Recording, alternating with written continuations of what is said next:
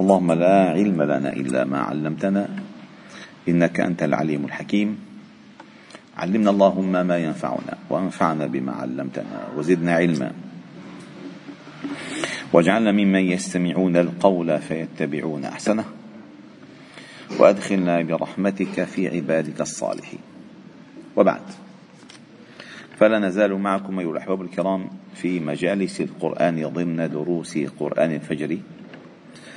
وقد وصلنا إلى قوله تعالى في سورة النساء يا أيها الذين آمنوا لا تقربوا الصلاة وأنتم سكارى حتى تعلموا ما تقولون ولا جنبا إلا عابري سبيل حتى تغتسلوا. وإن كنتم مرضى أو على سفر أو جاء أحد منكم من الغائط أو لامستم النساء فلم تجدوا ماء فتيمموا صعيدا طيبا فامسحوا بوجوهكم وأيديكم. إن الله كان عفوا غفورا. سبحانه وتعالى. هذه الآية أيها الأحباب الكرام كما ينبغي دائما أن نفهم كيف نتعامل مع كتاب الله تعالى. كتاب الله تعالى سر فهمه في فهم سياقاته. سياقاته يعني كيف أتت الآية بعد الآية الموضوع بعد الموضوع. لأن نظم القرآن نظم رباني. نظم رباني يعني هو الذي يعطيك الشفاء لكل داء والجواب الكافي لكل سؤال. ويرتب يرتب لك في ذهنك دخول المعلومات الأهم فالأهم الأنسب فالأنسب. فعندما يعني تعتاد نفسك على التعامل مع كتاب الله تعالى على هذه الطريقة تفهم وتدرك وتتمتع بالتدبر. الآن بالبداية عندما نقرأ الآيات التي سبق ذكرها من قوله تعالى واعبدوا الله ولا تشركوا به شيئا وبالوالدين. إلى آخر الآيات. وذكرنا أو تذاكرنا معا كيف أن هذه الآيات وصايا من الله تعالى وهي دعائم بناء المجتمع. ثم بعد بعد ذكر ذكرها ذكر الله تعالى لنا أسباب انهدام المجتمعات. بالبداية قال إن الله لا يحب من كان مختالا فخورا هذا المعجب بنفسه المتكبر على غيره هذا الذي آه، آه، يبخل بعطاء كل شيء ويأمر بالبخل في العطاء وينفق رئاء الناس ولا يؤمن بالله ولا باليوم الآخر. هذه كلها من النواقض التي تهدد المجتمعات بالانهيار. فالله يعطي الأسس يعطي الأسس ويحذر الناس من فعل العكس حتى لا تنهار المجتمعات. لأن الله يأمر بالعدل يأمر بالقسط لا ينزل إلا خيرا. فعندما ندرك هذه المسألة فعلا نفهم السياق الحقيقي والمناسبات في ذكر الآيات حتى في ذكر السور حتى في ذكر الكلمات. فبعدما تشكلت الصورة المثلى في كيف ينبغي أن يكون المجتمع قائم على الإحسان. بداية ركنه الأساس معرفة الله تعالى واعبدوا الله. ثم بعد ذلك الإحسان للكل. ثم بعد ذلك التحذير من العجب والكبر. ثم بعد ذلك التعاطي يكون لله. ولا يؤمر أحد بالبخل الذين يبخلون ويأمرون الناس بالبخل ويكتمون ما آه الله فضله. ثم بعد ذلك الله جل جلاله ذكر لنا القاعدة الذهبية إن الله لا يظلم مثقال ذرة. وإن تك حسنة يضاعفها ويؤتي من لدنه أجرا عظيما فكيف إذا جئنا من كل أمة بشهيد؟ وجئنا بك على هؤلاء شهيدا يومئذ يود الذين كفروا وعصوا الرسول لو تسوى بهم الأرض ولا يكتمون الله حديثا. بالإجماع هذه الآية تتحدث عن عن المشهد الخطير يوم القيامة. صحيح ولا لا؟ يوم القيامة. يوم نأتي من كل أمة بشهيد. ويجاء بالنبي صلى الله عليه وسلم على كل هؤلاء الأنبياء والرسل والأقوام شهيدا عليهم. لذلك النبي صلى الله عليه وسلم عندما استحضر هذا الموقف ذرفت عيناه. ذرفت عيناه. طيب. الآن بعدما يعني عشنا بهالصورة يوم القيامة وهذا صاحب الوسيلة والشفاعة العظمى. الله تعالى نسألنا نسأله أن نكون من أهلها. انتقلنا إلى قوله تعالى يا أيها الذين آمنوا لا تقربوا الصلاة وأنتم سكارى حتى تعلموا ما تقولون ولا جنبا إلا عابر سبيل حتى تغتسلوا كيف انتقلنا من فوق؟ فوق إلى تحت تحت تحت إلى إلى الدنيا يعني. الآن الله جل جلاله يريد أن يبين لك كما أراد أن يبين لك نواقض آه، المجتمع عندما ينهار يريد أن يقول لك نواقض نواقض العلاقات التعبدية التي بينك وبين الله. ودائما العلاقة بينك وبين الله لا يعلم حقيقتها إلا الله إلا الله. فمن يعلم أن هذا الذي يصلي يرائي أو لا يرائي؟ ما هو يأتي بالصلاة. إن ضربت لكم مثالا سابقا لو كنا في عصر الصحابة الصحابة الكرام. ولا نعرف نحن رسومهم. إن أشخاصهم. حاطين كاميرا مثلا على المسجد النبوي مثلا. شفنا الصف الأول أو الثاني أو الثالث. من يميز؟ من من يميز بالشكل المنافق من غير المنافق؟ لا أحد يميز. هذا عم يركض هذا عم يركض هذا عم يبكي هذا عم يبكي هذا عم يبكي. لا نعرف.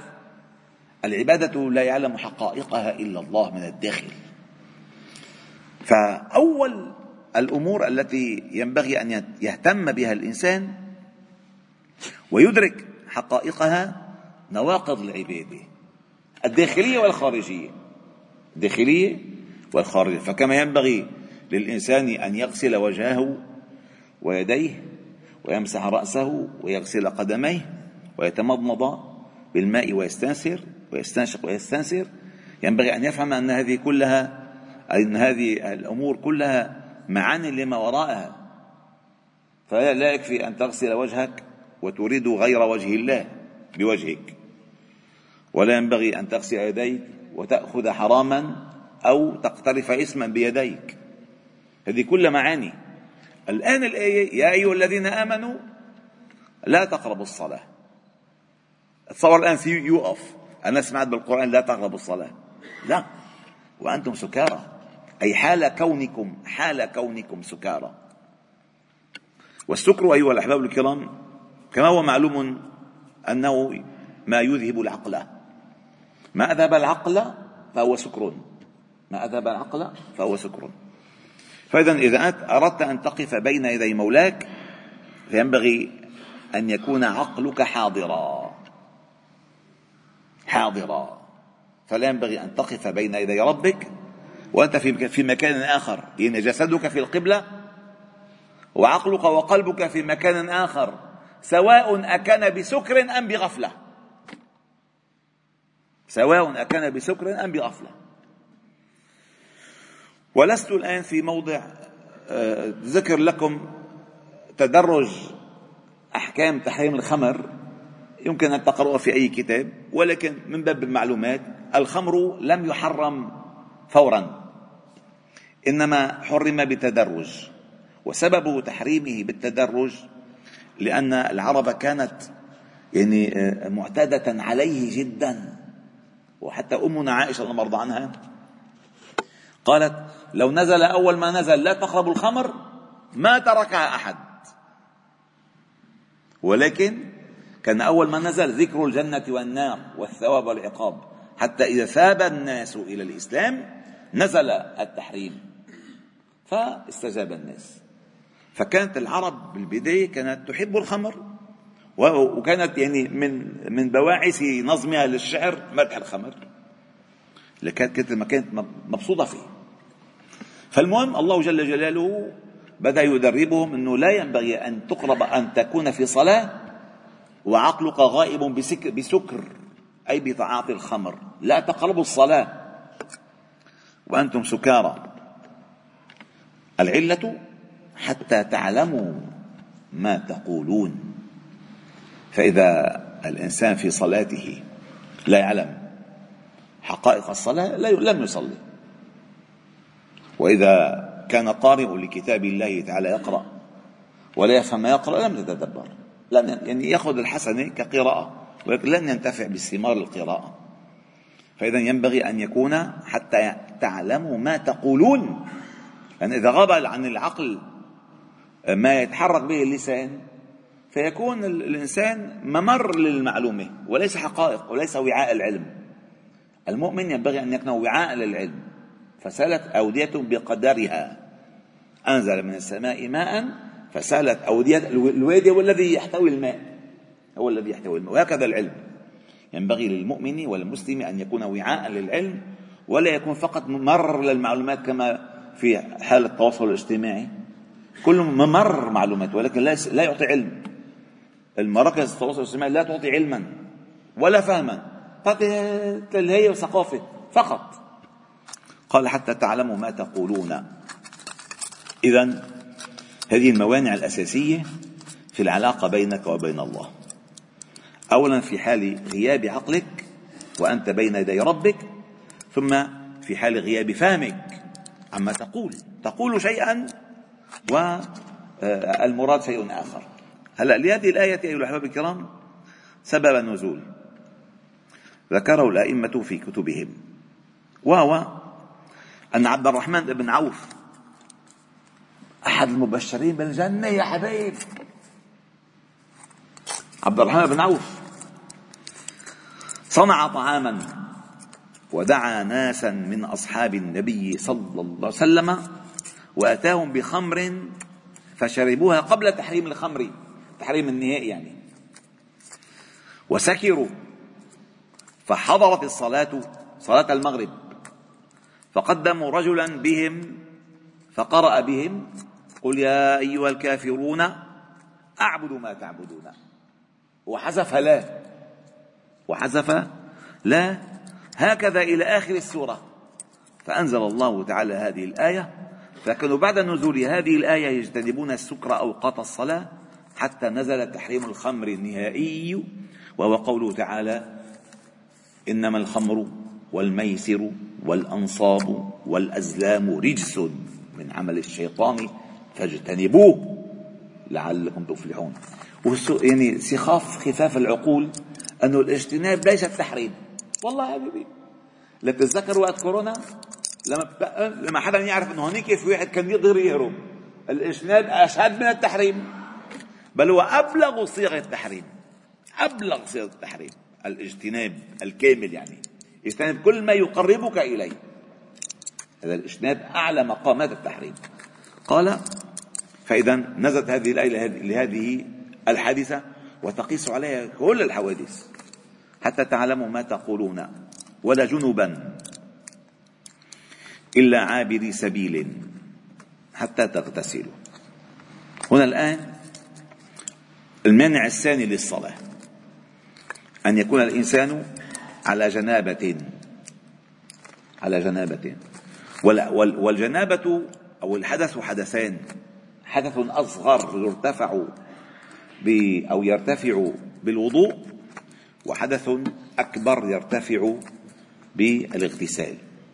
ونواقض الوضوء تعرفونها أينما خرج من السبيلين وتعرفوا المسألة.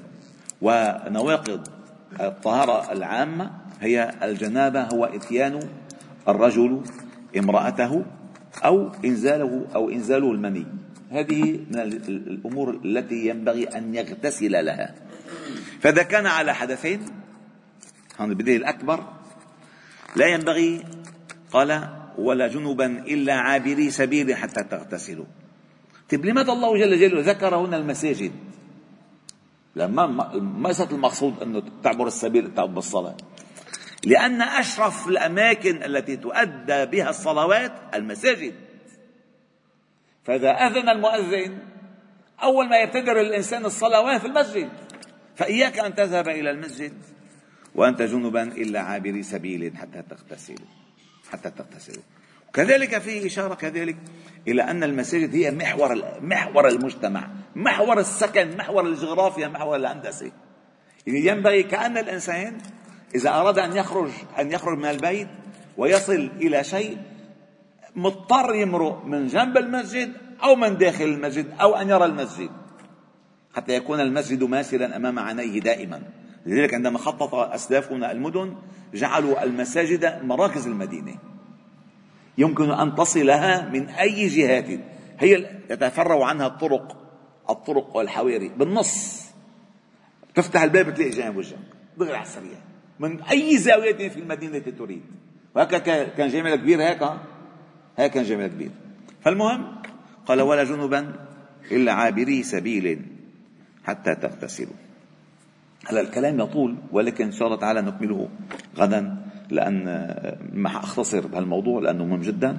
ونكمل إن شاء الله تعالى غدا بعون وتوفيقه والحمد رب العالمين. سبحانه وبحمده نشهد أن لا إله إلا أنت نستغفر ونتوب إليك. صلي وسلم وبارك على محمد.